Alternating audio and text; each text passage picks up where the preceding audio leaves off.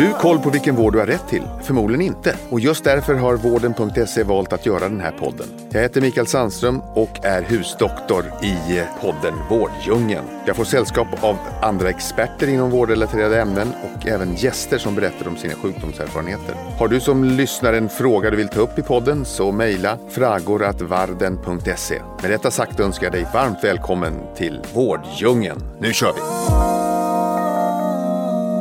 Hej alla lyssnare och varmt välkomna till veckans avsnitt av Vårddjungeln. Idag ska vi prata om sjukdomen som ungefär 75 000 svenskar lever med varje dag, nämligen reumatism. Och mitt emot mig här i studion eh, sitter Vårdjungens alldeles egna husdoktor Mikael Sandström. Som ska få göra oss alla lite klokare och mer upplysta kring just ämnet reumatism.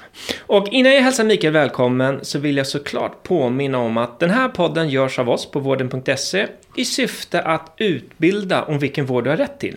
Och på vården.se så kan du både söka och boka all typ av legitimerad vård. Och med det sagt Mikael så vill jag hälsa dig varmt välkommen. Tack så mycket för att jag får komma. Du, nu ja. lever du upp till ditt namn. Du är brunbränd och fin. Jag är i alla fall brunbränd. Ja. Du, eh, reumatism. Ja. Vad säger du? Ska vi bara dika i det här ämnet? Ja, det kan vi göra. Och det är ju väldigt mycket fler människor än det du nämnde. Är det det? Ja, det är en miljon.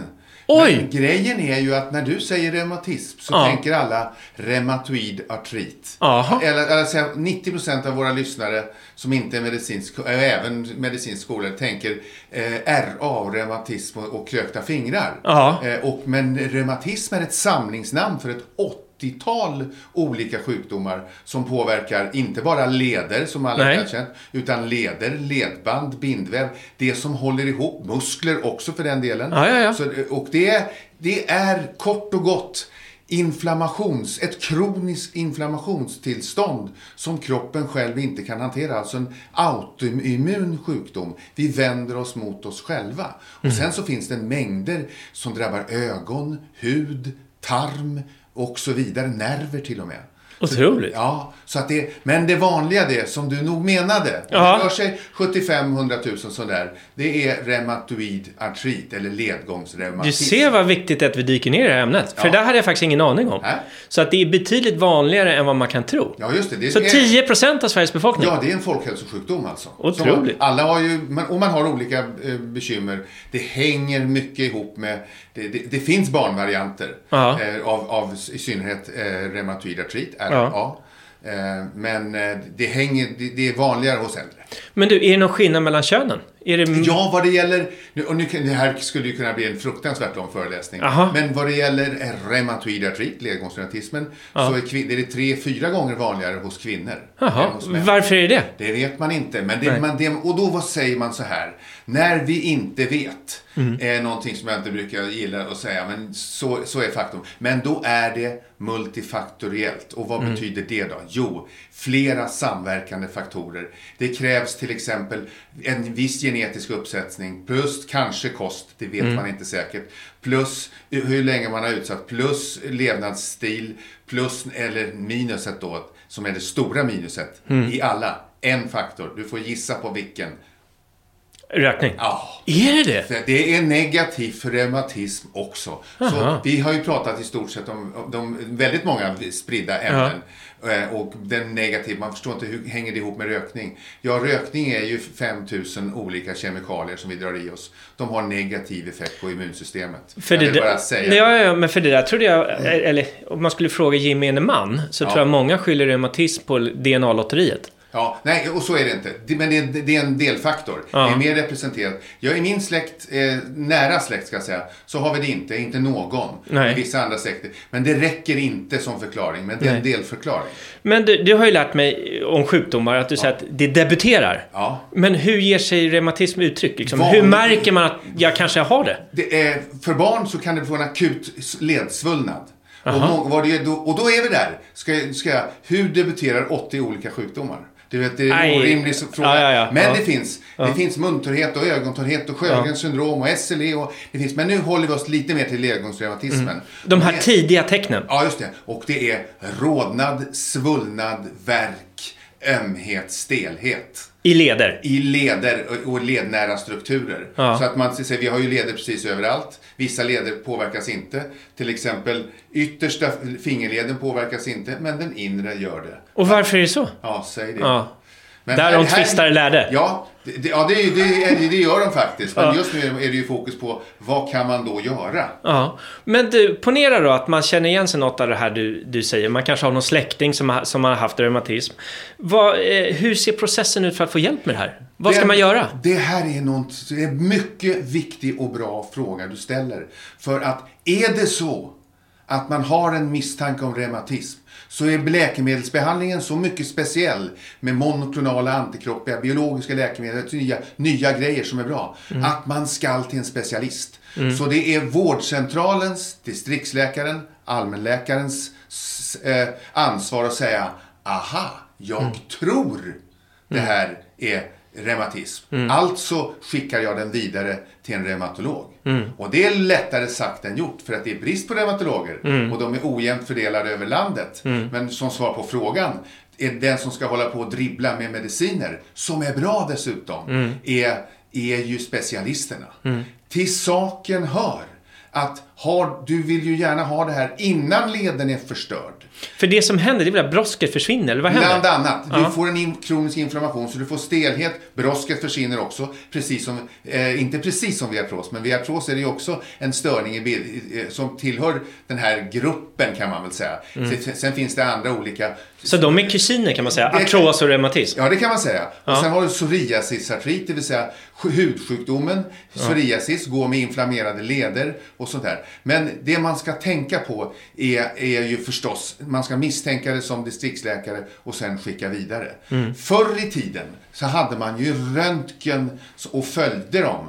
Nu skulle jag säga, om du ser en röntgenbild hos en ung reumatiker som en dålig, det är ett misslyckande av vården.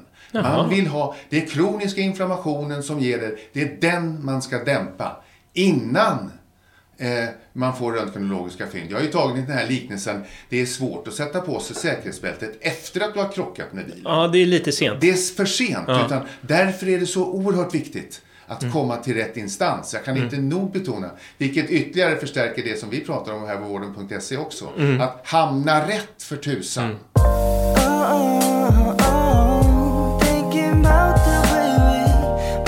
Men du, vad, vad kan man göra själv då för att lindra reumatism? Rör, rörelseträning, hålla rörelserna igång. Det är ju det, alltså funktion är det viktigaste. Om det ser lite knepigt och lite böjt ut, vi vet ju hur sådana här remma händer och knän och fötter kan se ut. Men, och det må vara som det är med den saken. Men att hålla sin funktion, det är det man satsar på. Så träningen är med fysioterapi, sjukgymnastik och sådana. Och sen olika nivåer av inflammationsdämpande där man håller ner immunsystemet. Men om det där väl har satt igång, Ja. kan man bli, bli sig själv igen? Eller kan man få bli av med det? Nej, det kan du inte. Du kan inte bli av med det, men du kan verkligen begränsa förloppet. Okej, så kan... Så att istället för att du har en, en, en obrukbar led tio år senare Mm. så kanske du är helt fungerande om du kommer in i god tid. Ja, För jag har läst någonstans, jag kommer inte ihåg källan nu, men det var en kvinna som, eh, hon slutade med gluten. Ja, Och sen, och tack vare det då, enligt Ja. den här storyn, så blev hon av med sin reumatism. Grattis Vad har- säger jag till, till den. Och, Mer tur än skicklighet, eller? Ja, just det. Och det, och det, och det är väl alldeles, det kanske var något annat. Alltså en, en sjuk, en sjuk, den totala sjukdomsbördan gör ju att varje annan ti, ti, nytillkommen sjukdom blir ju besvärligare Mm, förstås. Och sambandet. Men om man då ställer sig frågan så här, finns det speciell kost? Ja. Som kan, och då hittar man inte det. Antiinflammatorisk kost, eller? Finns den? Svaret Min nej. fru säger det här ordet Ja. hela tiden. Det här antiinflammatoriskt. Vad är det? Ja, det är man äter antioxidanter som ska förhindra så att man har det och det ska vara en bättre kost. Fiskolja och grejer, Ja, eller? Det finns inte vetenskapligt stöd för att det finns någon antiinflammatorisk kost. Därmed inte För det är väl vedertaget? Det tycker jag alla slänger sig med. Ja, det finns mycket pengar där att göra. Ja, ja, ja, okej. Så det, om man kan kalla det liksom en, någon liten pirog för antiinflammatorisk och göra sig pengar på det. Ja. Så, så, Skulle min fru köpa den? Det ser. Ja. Men du, eh, om, nu har vi pratat om kost där, men finns det läkemedel som dämpar det här? Eller ja, som, det gör det. Det Ja. finns läkemedel som dämpar på olika sätt. Det finns gamla, det handlar om att dämpa inflammationen. Klorokin, den gamla malariamedicinen, fungerar dämpande för reumatism. Mm. Och, men det är gammalt men funkar. Mm. Men det finns ju ingen medicin som inte har biverkningar. Mm. Och det är så, sådär. så att det finns olika nivåer. Men man kan tänka sig kortison tror jag någon fick på 40 eller 50-talet Nobelpris för. Att mm. man kunde nästan vända. För det är väl antiinflammatoriskt som något? Ja, verkligen. Och vad får man av det? Jo, diabetes, skörare hud, sämre hudläkning. Mm. Tillbaks till biverkningarna. Ja, ja, ja. Det, binjurebarksvikt. Mm. Alltså, det, det, där kan man ändå inte bara ge lite kortison. Det är svaret, mm. nej det kan man inte. Nej. Men det kan ingå som en del. Och det nya senast, det är de här biologiska läkemedlen. Ja, vad då biologisk? Vad betyder det? När vi har, får en inflammation, en inflammation är rött, svullet och ont. Mm. Um, det är liksom en klassisk triad. Som, mm. som man, man sticker en, får en sticka så blir det ett rött märke, det mm. svullnar och gör ont. Mm. Det är kroppens försvar. Mm. Det här är ju ett försvar som har gått fel. Mm. Men det, mot det, där finns det kanske tusentals kemiska steg ifrån en substans som uppstår vid skada mm. till inflammationssvaret. Mm. Och varför har vi då inflammationer? Jo, för att få dit blodkroppar, vita, som försvar mot så att det inte blir en infektion. Mm. Det är vårt försvar. Och då kan man gå in med de här biologiska läkemedlen på olika nivåer i en inflammationsprocess som är kanske tusen steg. Mm. Det, alltså, kommer vi lära oss mer? Ja, typ. Mm. Men det finns nu speciella antikroppar som går och blockar de här vägen så att det finns inget, det är som en, om man har ett, ett um, man, man stänger av vissa vägar så att det inte ska kunna leda till långvarig inflammation. Mm. Och då dämpas det, dämpas inflammationen, dämpas, dämpas förstöringen av brosket av leder och sånt där. Men har du koll på det här? För jag har läst någonstans också det här med att vissa behandlar ju det här med ens, ditt eget blod.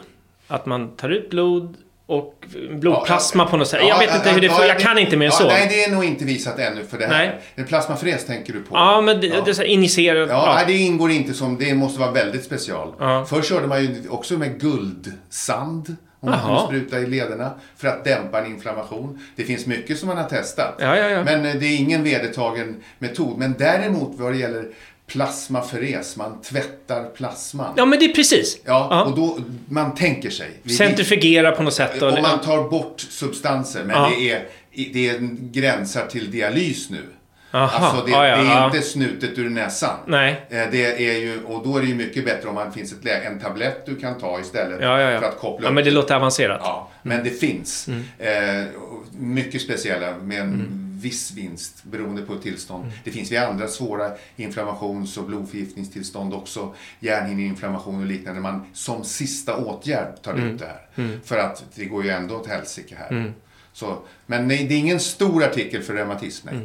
Du, vi hade ju som fart där i början. Vi var ju som två travhästar som ja, bara drog iväg. Så jag kommer inte ihåg vad du sa. Men har du någon egen erfarenhet av reumatism i nej, släkten? Eller? Nej, artros ja, eftersom jag opererade själv för det. Men det ja. var en olycka, en, en levnadsskada som ledde till mm. det där.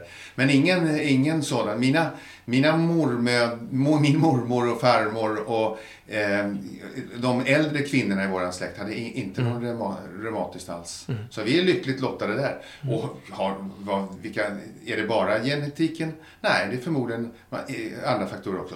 Dock vill jag säga, ingen av dem rökte. Nej. Men rökning känns väl som det är någonting som är på väg utbort? Ja, är det? Ja, det, det sjönk. Det enda gruppen det inte ökar för är unga män med invandrarbakgrund. De röker? De röker. Ja. ja mm. Det är en, en, en kulturfråga. Som, och det är naturligtvis någonting som man ska försöka komma till rätta med. För det finns mm. inget gott med det. Nej. Men du, nu har vi tagit upp massa väsentligheter här. Men är det någonting som jag har glömt att fråga om? Eller någonting som du tycker att jag borde ha frågat om? Nej. Men, som du skickar med till lyssnarna? Men det vill jag väldigt gärna göra. Vikten av att att man kan ha olika, bara för att en, en, min kompis, eller min kompis mamma har haft uh -huh. en, hon debuterade, fick sådana här bekymmer och så går man och väntar på att det ska vara likadant för alla. Det, vi har olika sätt att insjukna. Mm. Och sen försök verkligen att komma till en reumatolog om du har eh, och ta den här diskussionen med distriktsläkaren. Mm. Som alltid är kommunikation det bästa.